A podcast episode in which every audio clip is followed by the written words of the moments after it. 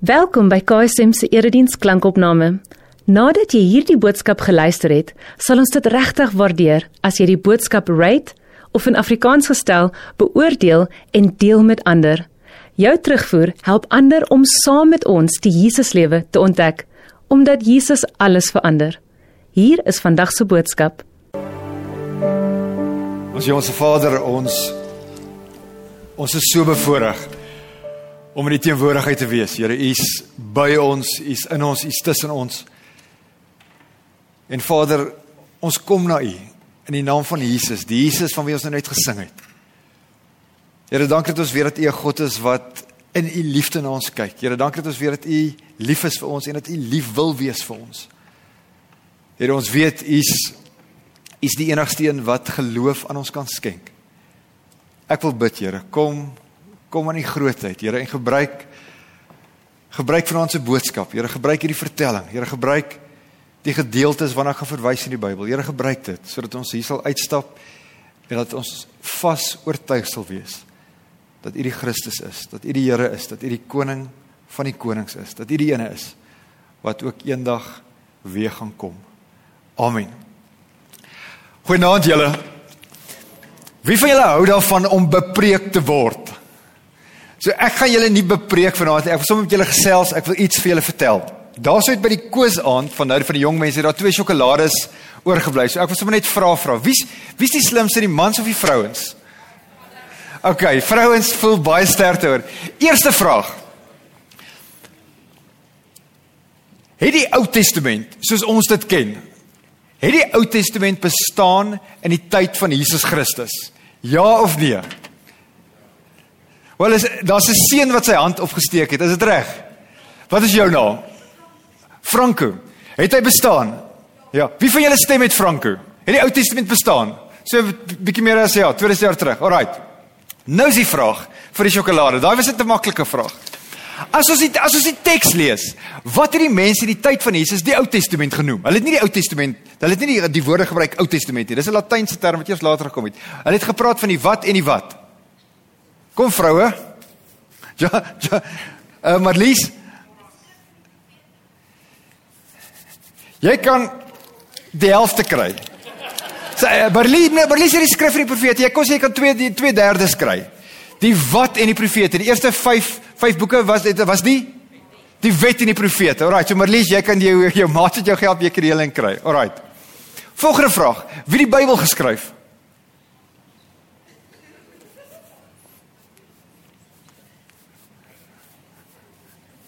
Dis 'n man wat draai, ja. Die disippels. OK. Uh Bernard. God, God is betrokke. Hy is die Heilige Gees, maar o, o, o, mense die Bybel geskryf in 'n mensetaal. Adrian. Heilige Ja, wel ons mense geïnspireer. Alrite, julle. Ek praat vandag oor die storie van die Bybel, die ontstaansgeskiedenis van die Bybel, nie die stories in die Bybel nie. Verstaan julle die verskil? Almal van ons ken die stories in die Bybel. Adam en Eva, Noag, Dawid en Goliat, barmhartige staan, verlore seun. Ons ken daai stories. Ek praat nie vandag daaroor nie. Ek praat oor hoe die storie van die Bybel gegroei het, hoe die Bybel as 'n boek ontstaan het. En ek wil net sommer net 'n analogie uit die gewone lewe gebruik. John Grisham was 'n regsgeleerde. Hy het regte geswat. Hy het 'n jong gesin gehad. Hy moes werk as as 'n prokureur. Maar hy het hierdie diep liefde gehad om te skryf. Op 'n stadium sit hy in 'n hof in Amerika en dit was nie sy saak nie, maar hy, hy hoor hierdie getuienis van 'n baie jong meisie en hy sien hoe die jurylede begin huil en hy sê hy's so kwaad vir die ou wat iets aan hierdie vrou gedoen het. Hy sê as hy 'n geweer gehad het, het hy daai ou geskiet. Alraight. So dis wat hy beleef het as 'n prokureur. Maar hy wil skryf. Hy het nie tyd om te skryf nie. Hy's ook nie 'n miljonair nie. Hy kan nie 'n jaar afvat en langs 'n uh, mooi dam of 'n lagoon gaan sit en heeltyd skryf nie. John Grisham begin toe om elke dag sy alarm te stel vir 5uur en hy skryf 'n bietjie, 'n bietjie, 'n bietjie, 'n bietjie, 'n bietjie. Na 4 jaar is sy boek klaar. Hy gaan na meer as 25 uitgewers toe. Almal bid hom. Almal sê vir hom nee, daai boek is useless. Ons gaan dit nie publiseer nie. Toe hy by die 29ste uitgewer kom, toe sê hulle uiteindelik vir hom, dis reg.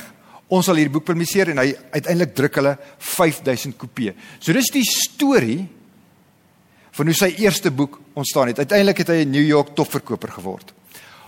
Ons, meeste van ons wat hier sit, ek wil amper sê 99% van ons wat hier sit, ken nie die ontwikkelingsgeskiedenis van die Bybel nie, want as kind is dit nie vir ons vertel nie. Want as kind sou jy nie geïnteresseerd gewees het daarin nie. En die mense wat jou voorgestel het aan die Bybel, wie van julle is voorgestel deur die Bybel deur of jou ma of jou ouma? Kan ek gou sien? Wie van julle het 'n Bybel by of jou ma of jou ouma gekry? Alraai, me, meeste van ons, nee, almal vir die meeste van ons is goed. Jou ma en jou ouma het waarskynlik ook nie die storie van die Bybel, die storie oor hoe ons hierdie boek van meer as 60 boeke, dokumente, hulle het ook nie daai storie geken nie, hulle het ook nie reg presies verstaan hoe ons hierdie boek gekry het nie. So ek gaan nou begin by die begin. Hoe hoe dit gebeur dat daar so 'n boek is in bykans elkeen van ons wat hier sit, se huise of op ons fone. Wat belangrik is, die storie van die Bybel begin nie by Genesis nie. Die storie van die Bybel begin toe Jesus se getrouste volgelinge iets gesien het. Nie toe hulle iets gehoor het nie, nie toe hulle iets gelees het nie, nie toe hulle iets gedroom het nie. Die storie van hoe ons hierdie boek vandag 2000 later 2000 jaar later in Afrika, die storie van hoe ons hierdie boek het, begin toe Jesus se disippels Petrus hulle, Maria Magdalena hulle, Salome, Johan hulle, toe hulle iets gesien het. Hulle het gesien en hier is die kern van vandag se boodskap. Hulle het die opgestane Christus gesien. Jesus het voordat hy gekruisig is, het hy 'n klomp goed oor homself gesê. Hy het 'n klomp goed geklaim. Hy het gesê hy's die seun van die mens. Skryf dit in Daniël. Dis die een wat aan die einde van die tyd weer gekom. Hy het gesê hy's die die seun van God.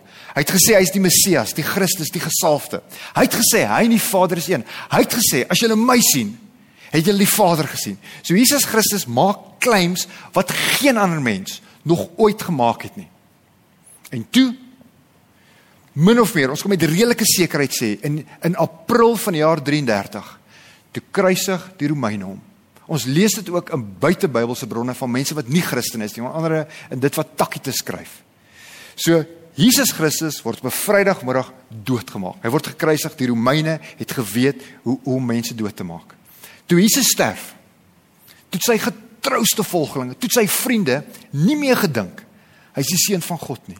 Hulle het nie meer gedink hy's die Messias nie. Hulle het nie gedink hy's die seun van die mens nie. Hulle het nie meer gedink hy's die een wat moes kom nie. Hulle het nie gedink hy's die Here van die Here en die koning van die konings nie. Hoekom?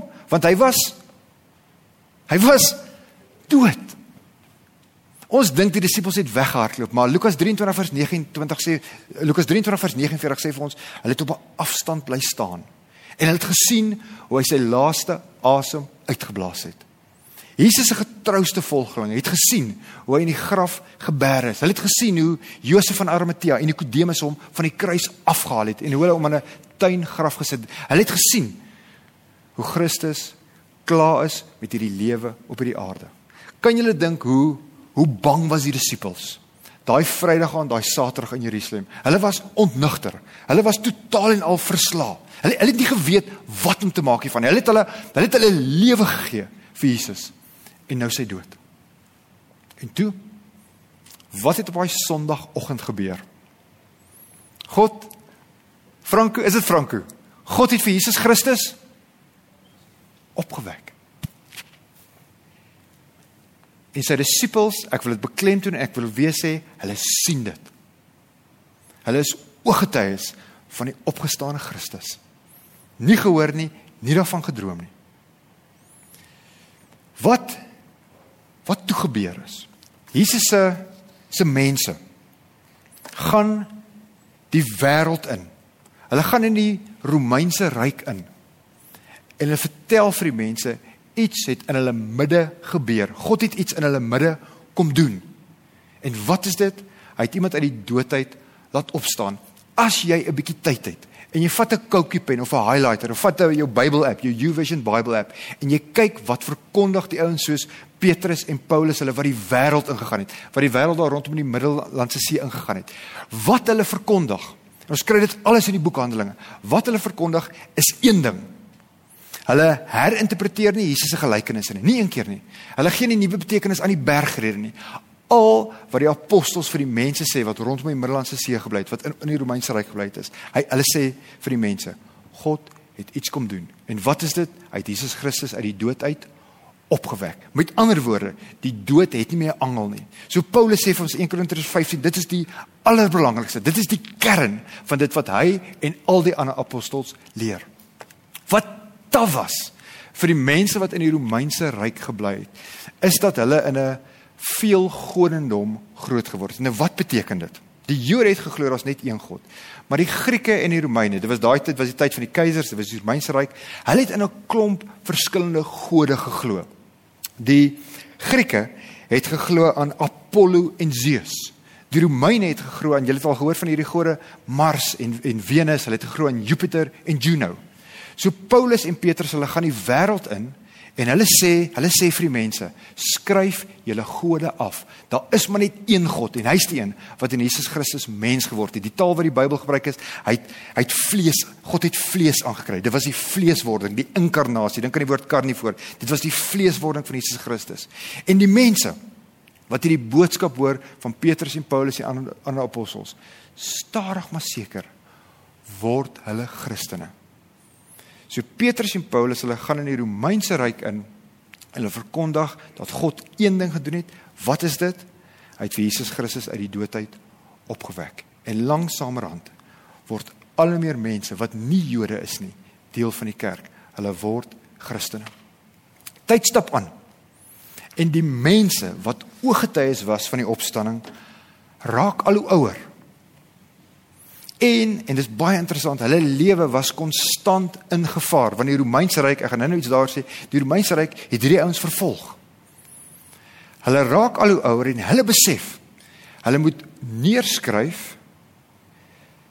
wat hulle gesien het. Hulle moet neerskryf wat hulle gehoor het by Jesus Christus. Hulle moet hulle ervarings dokumenteer.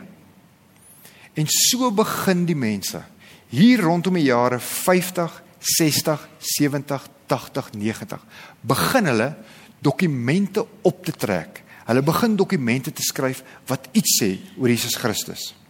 Daar was vier mans, Matteus, Markus, Lukas, Johannes, wat vir ons iets vertel van Jesus se lewe, vertel vir ons iets van sy kruisiging, vertel vir ons iets van sy opstanding. Iemand soos Paulus het 13 van die briewe in die Nuwe Testament geskryf en dit is amper asof hy sê, "Wat nou? Christus is dood, hy's opgewek. Hoe reageer ons nou met ons lewe? Hoe moet ons dink oor dit wat hierso gebeur het? So in die jare 50, 60, 70, 80, 90 word hierdie dokumente opgetrek. Maar daar's nog geen geen Bybel nie.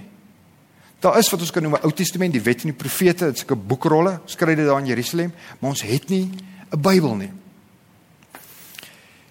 Die skrywers van hierdie dokumente stuur dit wat hulle geskryf het aan verskillende kerke reg oor die wêreld. Ek het nou nodig dat julle asseblief julle verbeelding gebruik. Kom ons sê, almal van ons wat hier sit, verteenwoordig die bekende wêreld hier rondom die jare 50, 60, 70 na Christus. Jesus gekruisig in die jaar 33, ons sit nou in die jare 50, 60, 70, 80 en al wat ons het is hierdie dokumente wat die ooggetuies of die mense soos Lukas wat onderhoude gevoer het met die ooggetuies gevoer het. Kan ek gou sien, almal van julle wat 'n koevertjie het met die naam van 'n brief of 'n boek in die Nuwe Testament, hou dit gou net vir my hoog op. Kyk gou rondom julle. So ons verteenwoordig die hele wêreld. Daar's ons Spanje, daar's ons Portugal, daar's wat ons vandag noem Europa, hierso is Turkye en Macedonië en Griekeland, dan kry ons bietjie Iran, Irak, Indië, ons kry die ouens daar in die rigting van Rusland, ons kry ons in Afrika. So wat ons het in die jare 50, 60, 70, 80 is 'n klomp dokumente wat die rond te doen. En wanneer 'n gemeente hierdie brief ontvang, dan lees hulle die brief, hulle maak 'n kopie van hierdie brief en hulle stuur dit na hulle vriende in 'n ander kerk in 'n ander land in 'n ander provinsie wat nog nie hierdie dokument gekry het nie. Maak dit vir julle sin. Is daar 'n Bybel in die jare 50, 60, 70, 80 wat ons so kan saamvoeg, saambind? Glad nie.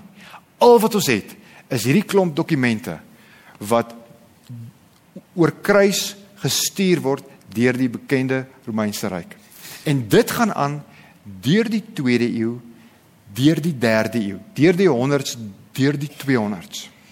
En hierdie dokumente, daar was honderde van hulle wat die ronde gedoen het. Kan ek gou daai foto kry wat lyk asof dit 'n foto is wat in 'n museum geneem is? Dink julle daarso is nog een van hierdie dokumente wat behoue gebly het wat ons vandag met ons eie oë kan sien? Wie van julle dink daar is nog so 'n dokument? Waarso is hy? Vir 'n uh, vir 'n 1000 rand. Waarso? Wat se en wat se by watter universiteit is hierdie dokument? Ek gaan ek's nou bang iemand antwoord reg, so nou gaan ek vinnig ek gaan nou vinnig 'n antwoord gee. Alraai. So julle is almal by. Julle is almal by. Ons het nie 'n Bybel nie. In die jare 50, 60, 70, 80 'n brief soos Openbaring bietjie later dalk hier rondom die jaar 90, 95, dit word geskryf en die gemeente stuur dit vir mekaar reg oor die wêreld.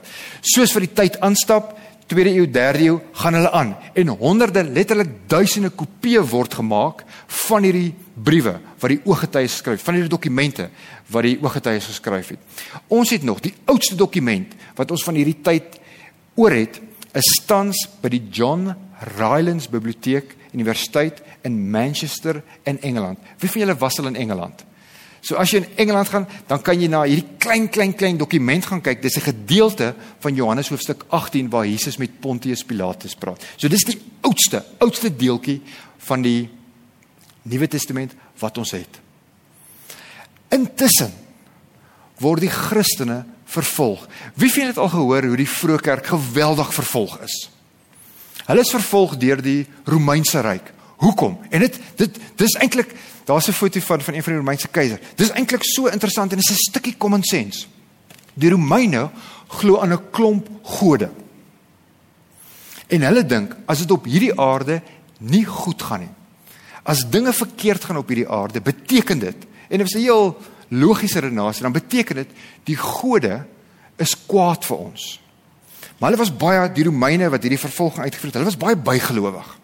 So hulle kyk die natuurelemente. As daar 'n ramp was, as daar 'n vloed is, as daar 'n aardbewing was, dan sou hulle gesê het, die gode is kwaad, hulle is nou besig om ons te straf. Die Romeinse heersers het hierso in die 1ste eeu, 2de eeu, 3de eeu gesê, begin van die 4de eeu. Toe sê hulle, die gode, ons gode is kwaad vir ons. Want die Christene sê hulle is fake gode. Die Christene aanbid hulle nie.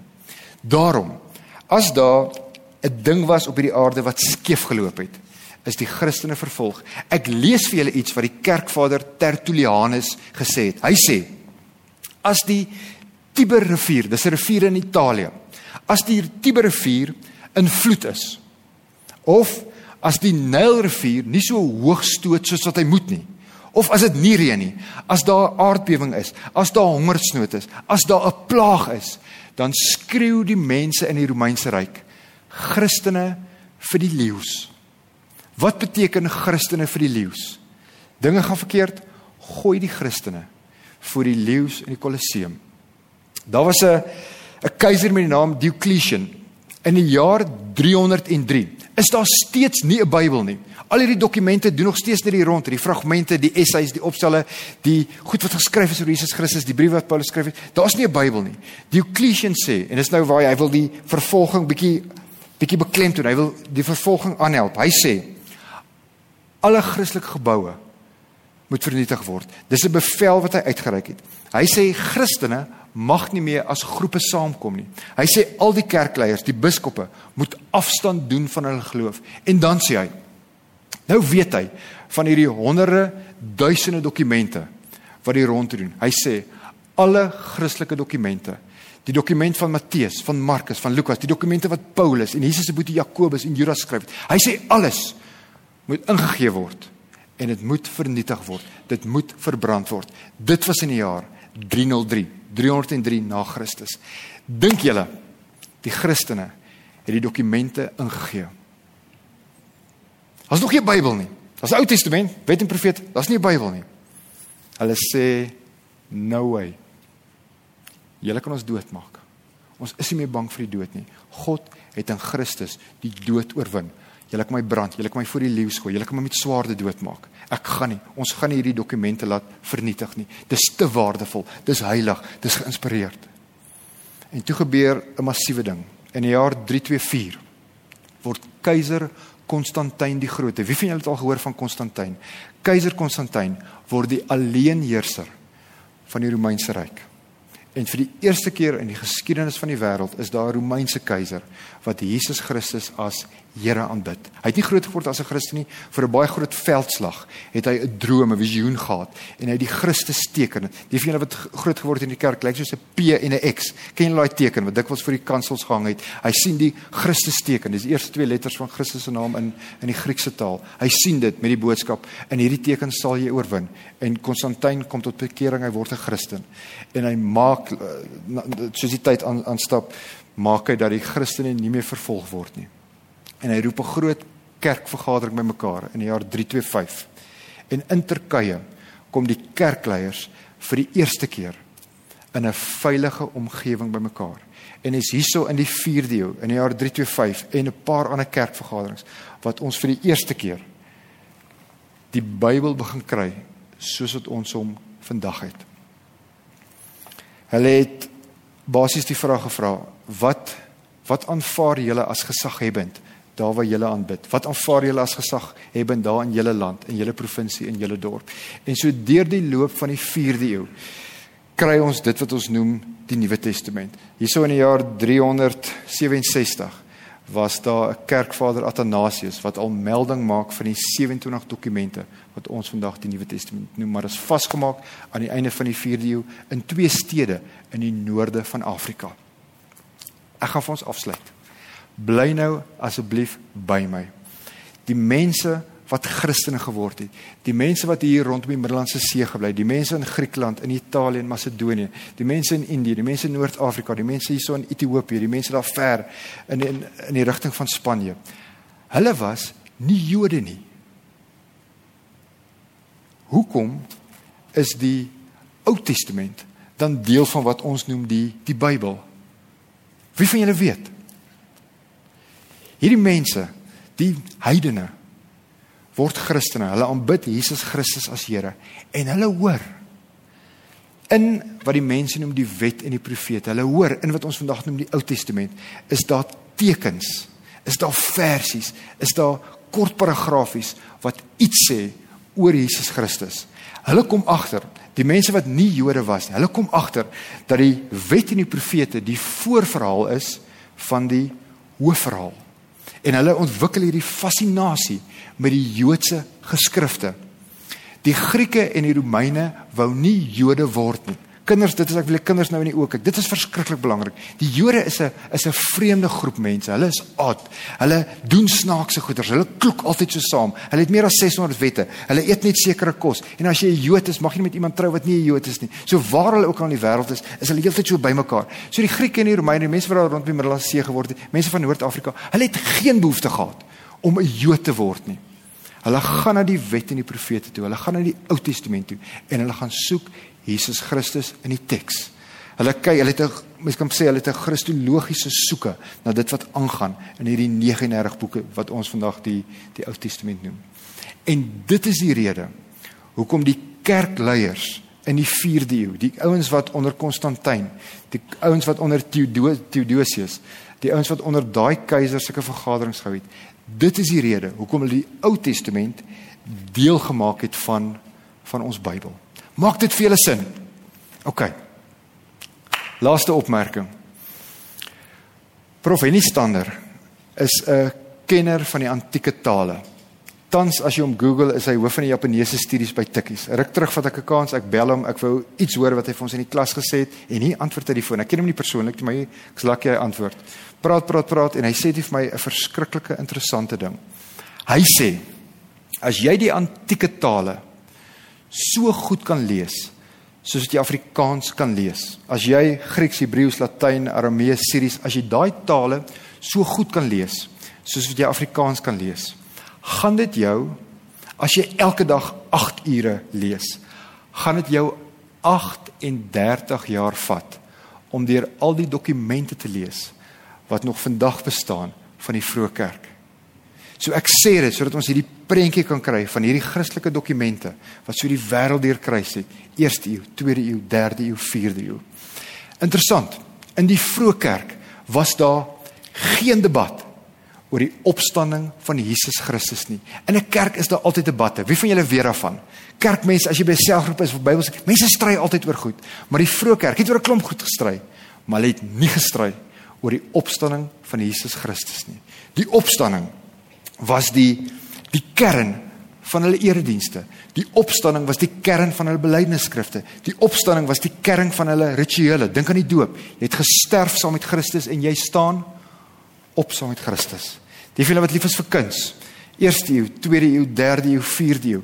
Die kuns van die vroeë kerk het ge het gesentreer rondom die verheerliking en die opstanding van Jesus Christus. Eers later jare het die kruisiging al hoe meer prominent geword. Christus het opgestaan. Ek lees vir ons. Handelinge 2 vers 32, laaste vers. Petrus praat met die Jode en hy sê dan die volgende: God het hierdie Jesus uit die dood laat opstaan. Daarvan is ons almal getuienis. Ons het hom gesien. Amen. Ons Here. Ons het 'n Bybel. Here, ons sit met hierdie boek in ons huis. Ons het 'n YouVersion app. En Here, ons weet, daar sou daar sou nooit 'n Bybel gewees het as Jesus Christus nie uit die dood uit opgestaan het nie. Here, ons weet, dit was die grootste gebeurtenis wat nog ooit gebeur het. Dis die middelpunt van die skepping, dis die middelpunt van die mensdom. Here, dis die middelpunt van die geskiedenis. Here mag mag ons met vrymoedigheid leef. Here, maak ons 'n groep mense. Here, maak ons 'n gemeente wat nie wat nie bang is vir die dood nie. Here, U U is die Here van die Here. En Here, U is die koning van die konings. U is die een wat sit aan die regterkant van God. Here, U is die een wat vir ons bid. U is die een wat vir ons pleit. Here mag mag ons al hoe meer Bybel lees. Here mag ons U in die teks ontmoet. Here maar meer as dit. Here soos ons Bybel lees, soos ons in ons eie stilte tyd. Here na U wil soek. Here kom in U grootheid, Here en kom doen wat net die enigste ware Here kan doen. Here kom. Kom openbaar U aan ons. Here mag mag ons geloof versterk word soos wat ons hierdie pad met die Bybel stap. Here kom, kom wys iets van Uself vir ons deur die teks. Amen. Indien hierdie boodskap vir jou betekenisvol was, oorweeg dit om in te teken vir ons nuusbrief, waarin ons weekliks hulpbronne en opkomende gebeure by KSM deel, sodat ons saam die Jesuslewe kan ontdek. Besoek ksm.co.za en word deel.